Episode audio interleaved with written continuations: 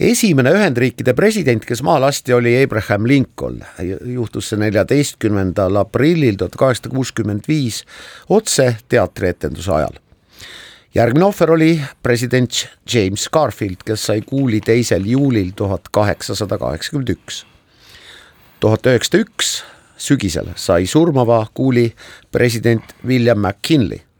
üks maailma kuulsamaid mõrvu leidis aset novembris tuhat üheksasada kuuskümmend kolm, kui Lee Oswald tappis lahtises presidendi autos sõitnud John Kennedy otse tema abikaasa kõrval. kuid ilmselt mäletavad paljud raadiokuulajad ka kolmekümnendat märtsi tuhat üheksasada kaheksakümmend üks, kui tehti atendaat president Ronald Reaganile. President sai haavata, jäi ellu ja elas üheksakümne kolme aastaseks, meil on hea meel Timoga tervitada siin stuudios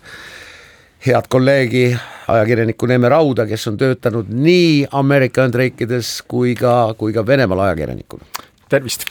no Reagani asjast rääkides, siis tegelikult ohver ju suri, ainus ohver, kes tõesti ka surmavalt haavata sai kolmkümmend kolm aastat hiljem. ehk siis James Brady, peaseg-, pressisekretär, kes kõige tõsisemad haavad sai, elu lõpuni oli noh, sisuliselt halvatud.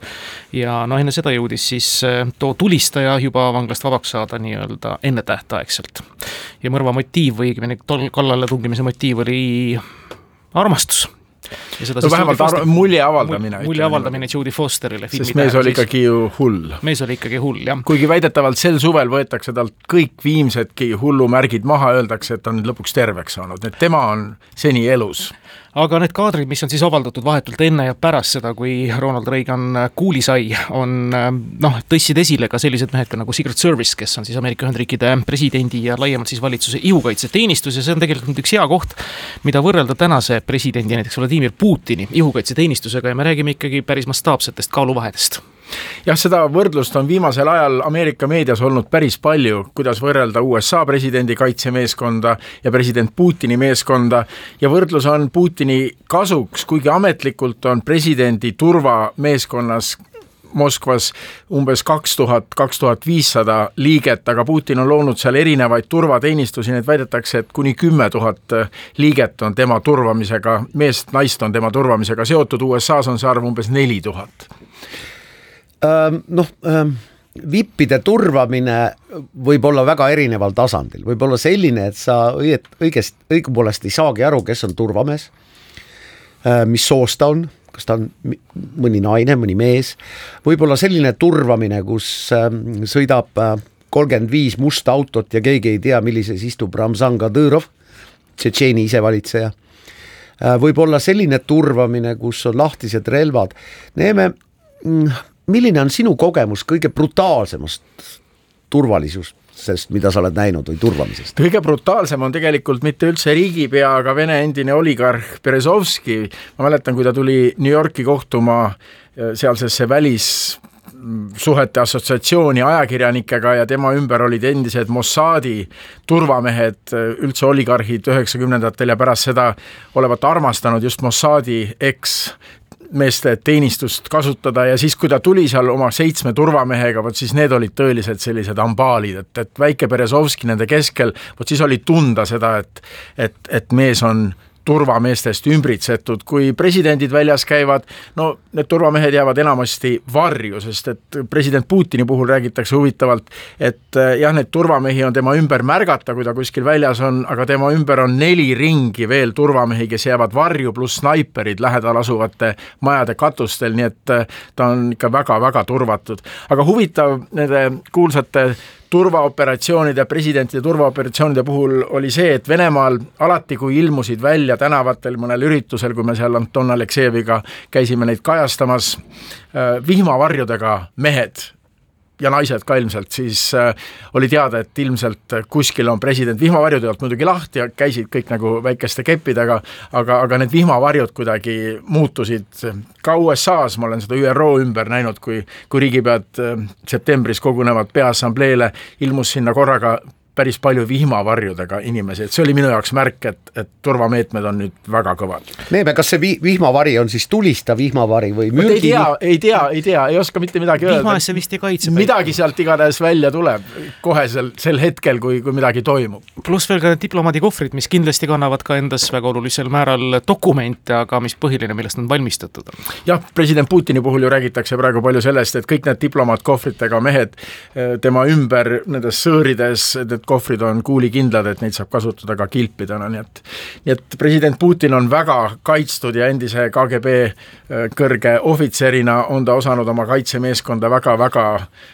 just nimelt rahva ses-, sekka peita, et, et ta otseselt nagu silma ei jää, aga huvitav, kui ma Moskvas pressikonverentsidel käisin, siis me läbisime, noh, president Putini pressikonverentsidel kolmel korral, siis me läbisime täiesti tavapärase turvakontrolli, olime Putiniga ju samas saalis, et seal ei olnud mingisuguseid erilisi meetmeid. aga Valges Majas käies on alati mulle silma jäänud see, et tegelikult langetab ajakirjanike puhul, kellel on tehnika kaasas, otsuse koer kas ta saab sisse selle tehnikaga või mitte, sest et kõigepealt lähed sellest tavapärasest turvakontrollist läbi ja siis tuleb tehnika asetada seal alati kuskile erikohta ja siis tuuakse kohale koer, kes siis ütleb, kas saab sisse või ei saa ja sama meetodit kasutab muideks ka ÜRO, nii et kui seal minna peasekretäriga intervjuud tegema, ka seal otsustab koer selle. mille järgi see koer siis otsustab? oma ta... ninaga ilmselt siis et kuidas su äh, arvutit nuusutab? ilmselt see lõhkeaine on siis nii lõhnav, et koer, see on alati mulle kuidagi, kuidagi huvi pakkunud, et tuuakse see koer kohale ja tema on siis see lõplik otsustaja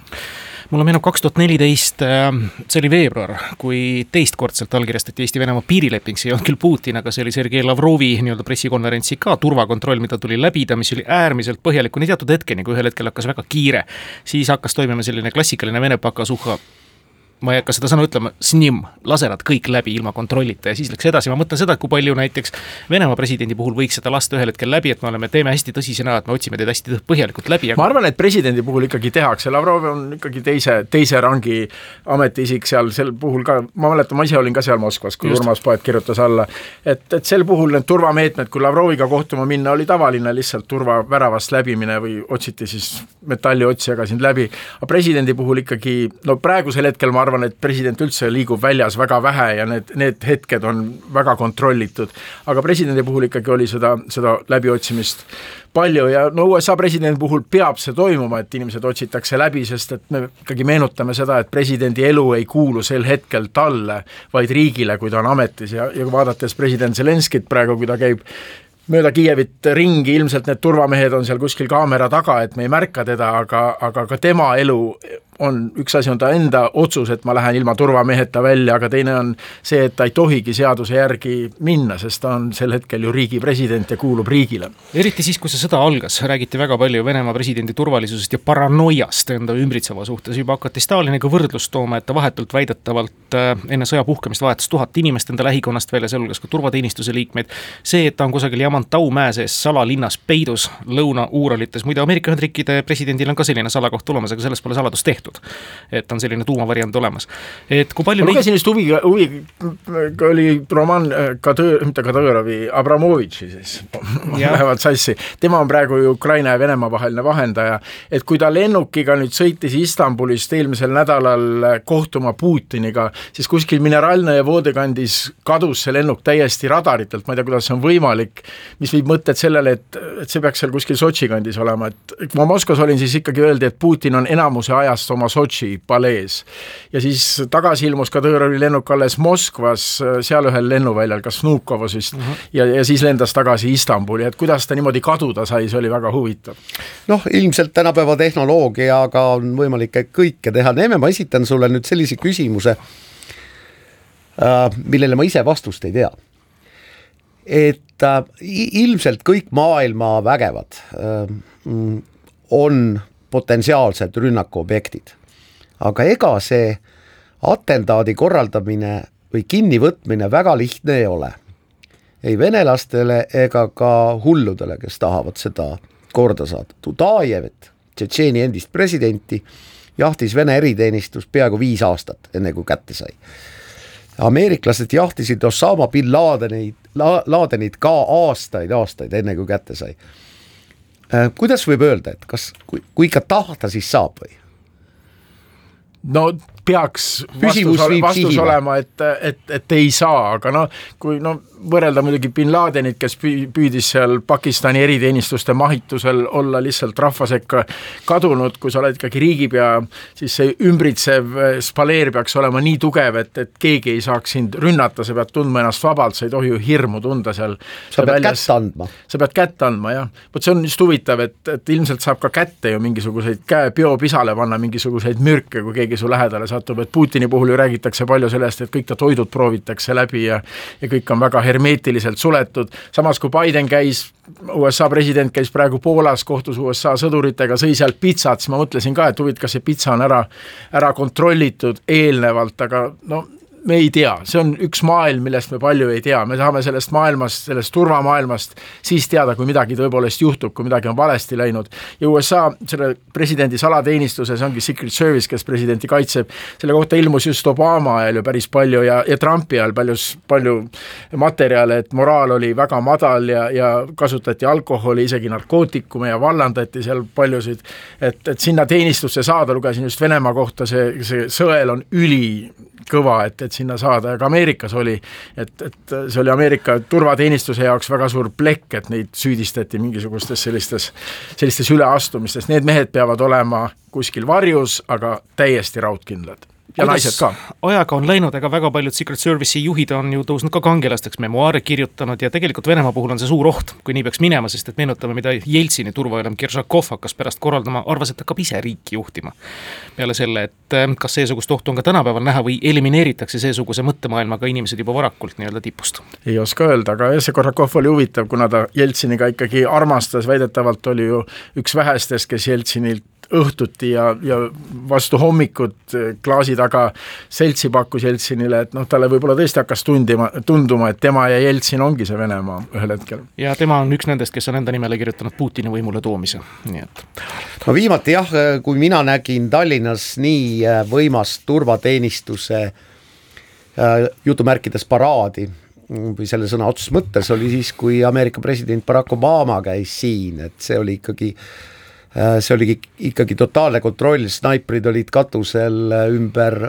aga see on kõik koha, seadusega kindlaks määratud, et selline kontroll peab olema, eelmeeskonnad, mis tulevad juba ju nädalaid enne seda koha peale tutvuma asjaga, siis tuuakse ju auto presidendi auto kohale, huvitav muide, lugesin presidendi autode kohta, USA presidendi auto kaalub neli koma kaks tonni, Vene presidendi auto kaalub kuus tonni, nii et Venemaa püüab ikkagi olla nagu ees aitäh Neeme tulemast, nendel teemadel muljetamast, meenutame siis, et me rääkisime ja alustasime kaheksakümne esimese aasta kolmekümnendast märtsist, kui Ronald Reagan, viimane avalikult teadaolev atendaat Ameerika Ühendriikide presidendile aset leidis